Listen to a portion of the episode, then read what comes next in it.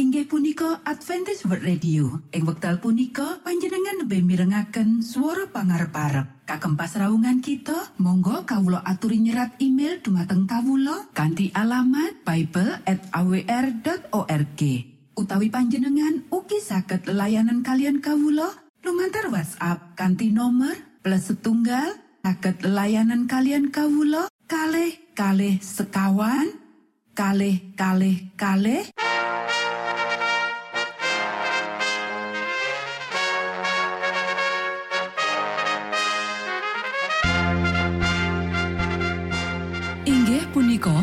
Adventist World Radio ingkang giaran kanti basa Jawi.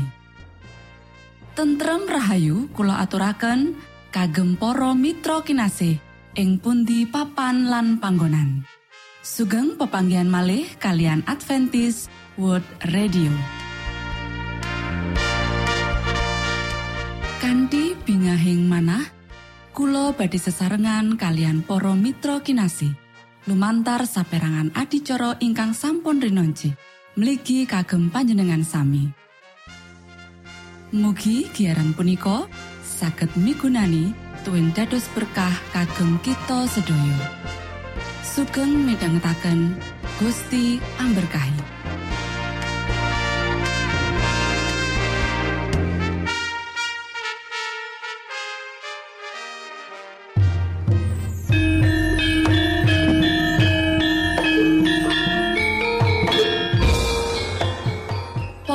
Pamirsa kinasih ing Gusti Yesus Kristus. Ing wekdal punika kita badi sesarengan ing adicara ruang kesehatan. Ingkang saestu migunani kagem panjenengan soho kita sami. Tips utawi pitedah ingkang dipun aturaken ing program punika tetales dawuhipun Gusti ingkang dipunnyatakaken ing kitab suci. Semanten ugi sakehing seratan ingkang dipun wangsitaken dening Gusti Allah. Nanging saderengipun monggo kita sami midhangetaken kidung pujian.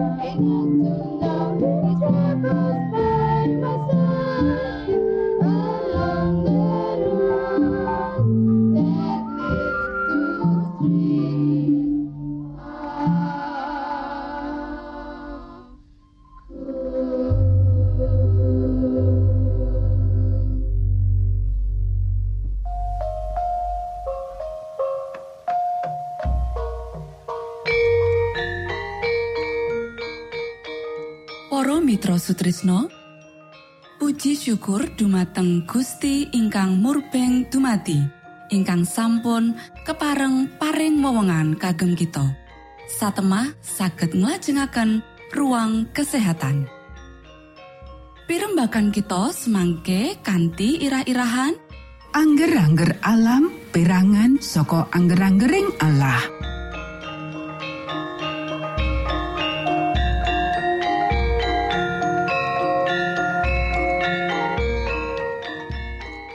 dumateng para pamiarsa ingkang dahat kinormatan sugeng pepanggian malih kalian kula Isti Kurnaidi ing adicara ruang kesehatan. Ing dinten punika kanthi irah-irahan angger-angger alam perangan saka angger-anggering Allah. Para sedherek ingkang kinasih sak kuncup kembang ing kebon kuwi nduweni oyote ing jero lemah kutu oleh angin, embun, udan lan sunar srengenge. Kembang iku bakal ngrembaka amung menawa nampa keuntungan-keuntungan iki lan iku kabeh saka Gusti Allah. Semono uga karo menungso. Gusti Allah nimbali para generasi anyar kanggo mbela angger-angger kang wis Gusti Allah tetepake kanggo ngatur sistem menungso lan kanggo ngrawat standar dhuwur jroning kegeladan pikiran lan budaya ati. Para sederek ya iku tugas saben menungso. Demi kepentingane dhewe lan demi kepentingan umat manungsa kanggo menehi ngerti diri pripadine ngenai angger-angger panguripan organ badan lan kanthi cara sadar nuruti. Ya iku tugas saka saben wong kanggo dadi lantip jroning babagan leloro lan penyebabe. Sira kudu nyinaoni kitab sucimu. Supaya mangerteni aji kang Gusti Allah wis mapanake marang manungsa kang wis dituku dening Sang Kristus kanthi rega kang tanpa ukuran ajine. Sak banjure kita kudu ngenal angger-angger panguripan satemah saben laku agen manungsa bisa lumaku kanthi sampurno kanthi angger-anggering Gusti Allah. Rikala katomok bebaya gede akibat teledor, Apa ora becike wicaksana jroning badan manungsa kang wis ditemtokake dening pangripta kita lan ing ngendi Gusti Allah kepingin kita dadi penatalayan kang setya? Para sedherek ingkang kinasih, angger-angger kang padha ana ing antarane karohanen kaya dene ing alam donya. Panerak angger-angger fisik ya iku panerak angger-anggering Allah kang nitahake kita ya iku Yesus Kristus. Saben angger-angger kang nguasani mesin manungsa dianggep padha wae asale saka Gusti Allah. Jroning watak lan jroning wigatine bab kaya dene sabdaning Gusti Allah. Saben tumindak kang jerobo, saben nyeleweng saka mekanisme ajaib kanthi orang ngurmati angger-angger tertentu saka gaya urip menungso mujudake sawening panerak angger-anggering Gusti Allah. Angger-angger iki nyakup tumindak saka sakabehing diri menungso. Angger-anggering Gusti katulis dening astane Gusti Allah piyambak jroning saben syaraf, saben otot, saben ponco indra kang wis kapercayaake marang manungsa. Para sedherek ingkang kinasih, Gusti Allah wis nggawe angger-angger kanggo nguasani saben perangan jasmani kita. Lan angger-angger kang wis Gusti Allah telhake jroning diri kita iki ya iku sifate Gusti Allah. Lan saben panerak ana pitono pasti kang cepet utawa alon kudu diwujudake. Sesanggeman sepisan kang kudu kita tindakake kanggo Gusti Allah, kanggo diri kita pribadi lan marang sapota-poto kita ya iku nuruti angger-anggering Allah kang kalebu angger-angger kesehatan. Angger-angger kang ngatur sifat fisik padha derajate karo 10 angger-angger lan kabeh iku duweni mula buka lan watak kang padha. Manungsa dititahake kanthi rame-rame lan ajaib. Karono Sang Yehuwa wis nulisake angger-angger iki kanthi astane ala pribadi kang luhur ing saben perangan badan manungsa. Para sedherek ingkang kinasih, padha dosane nerak angger-angger kesehatan lan nerak siji saka 10 angger-angger karena kita ora bisa nglakoni tanpa nerak angger-anggering Gusti Allah. Manungsa cerobo lan sembrono jroning adat waton lan tumindak nyangkut panguripan lan kesehatan fisik dosa marang Gusti Allah. Saweneng panerak angger-angger iki mujudake panerak marang angger-anggering Gusti Allah kang langgeng. Lan pitono wis mesti melu utawa ngetetake. Matur nuwun, Gusti yang berkahi.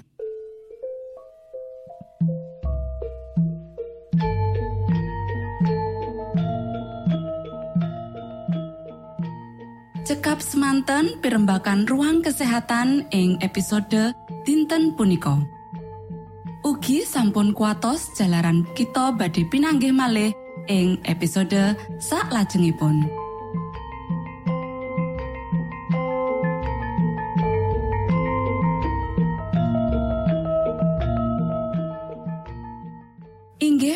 Punika adicara ruang kesehatan.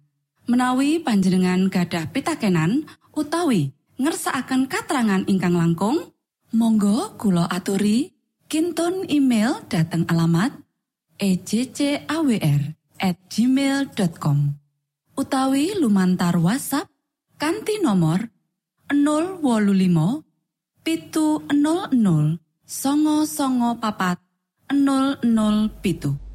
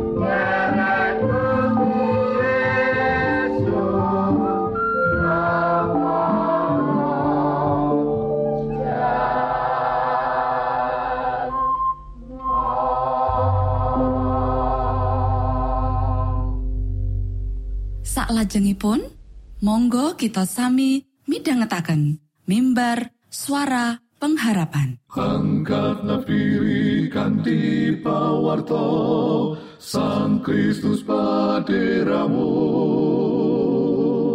Pro umat samyo puji asmanyo Sang Kristus paderamu.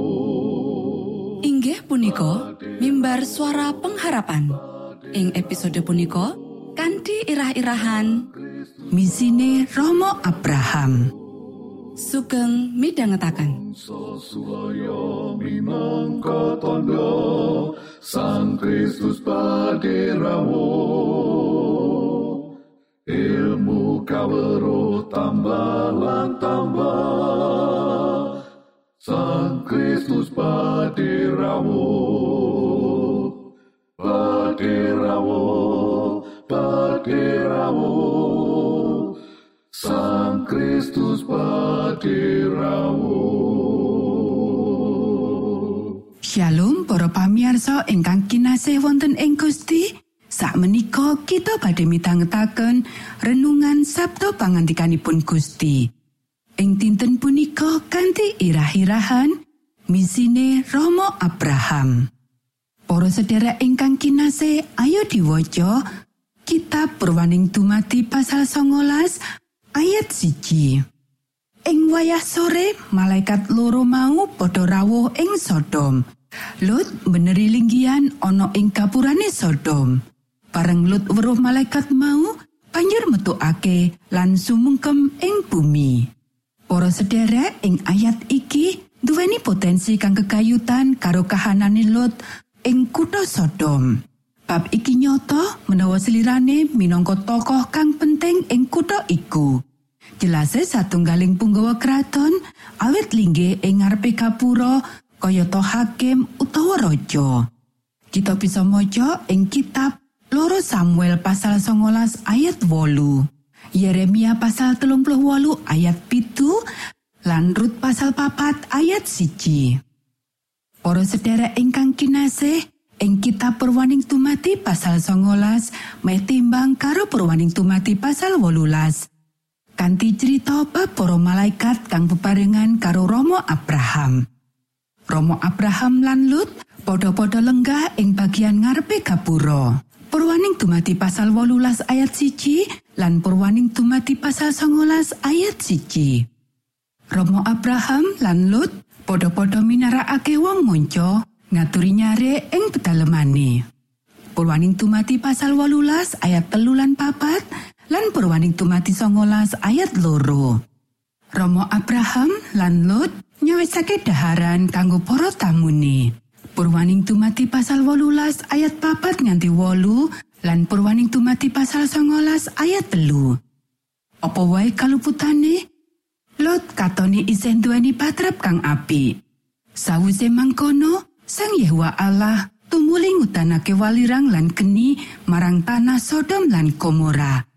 Tumurune utan saka Sang Yehuwa, saka ing langit Kutha-kutha mau diwolak-walik dalah lebak Yarden pisan lan sakai wong ing kutha kono tekan tanem tuwuhe. Purwaning tumati pasal 19 ayat 24 lan selawe. Para sedherek ingkang kinasih, kita ora mangerteni pira cacahe wong kang mapan ing sakjroning tanah Sodom lan Gomora wektu kuwi. Nanging ing antarane ewonan wong iki ana mung papat cacahe kang jumeneng ing kutha kuwi lan mung wong telu kang kaslametake. Bab kang padha karo prastawa banjir bah. Ora paham cacahe pira kang urip nalika iku, nanging kita mangerteni menawa sakabehe saka wong-wong iku ora kaslametake. Para sedherek ingkang kinasih, cacah kang sedidik saka wargane Sodom kang slamet minangka konsekuensi ing misine kita. Ora angger uang bakal dislametake. Kita pengin sakabehe wong nampa Sang Kristus lan rancangan keselamatan Nanging angger pribadi duweni kamardikan milih. Tugas kita ya iku kanggo ngundang saakake wong kanggo milih Sang Kristus. Sawetara kita nglakoni misine, Gusti Allah mitulungi lumantar Sang Roh Kudus. Nanging panjenengane ora bakal nentang kekarepane saka sapa wae.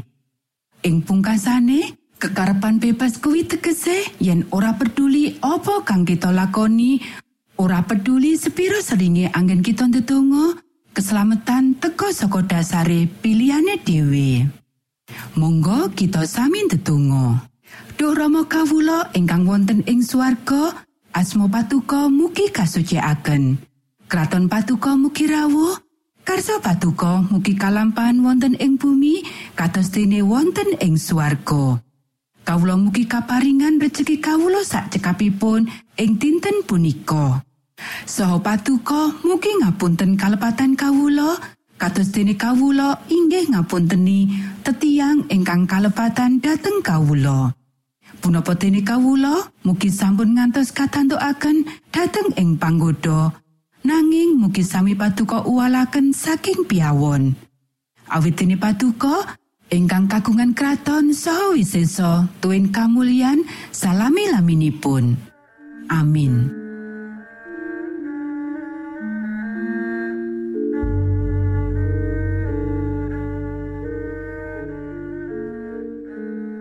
Mitra Sutrisno pamiarsa kinasih ing Gusti Yesus Kristus. Sampun paripurno pasamuan kita ing dinten punika. Menawi panjenengan gadah pitakenan utawi ngersaakan seri pelajaran Alkitab suara nubuatan Monggo Kulo aturi kinton email dateng alamat ejcawr gmail.com utawi lumantar WhatsApp kanti nomor 025 pitu 00 songo songo papat 00 pitu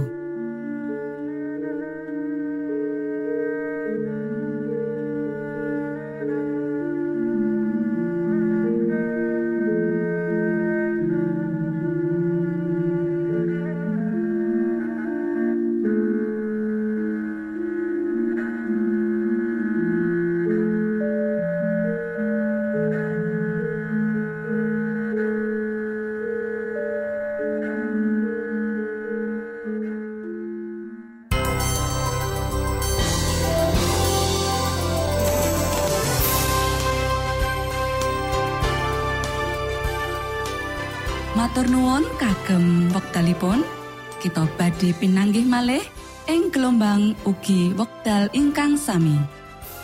Saking studio kula ngaturaken tentrem rahayu. Gusti amberkahi kita sedaya. Maranata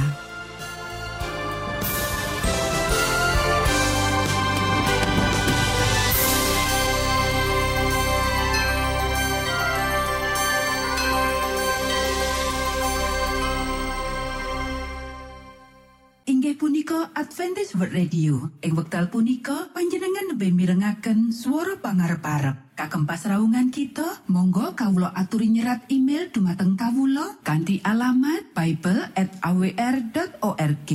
Utawi panjenengan ugi saged layanan kalian kawula lumantar WhatsApp kanthi nomor plus setunggal saged layanan kalian kawula kalih kalih sekawan kalih kalih kalih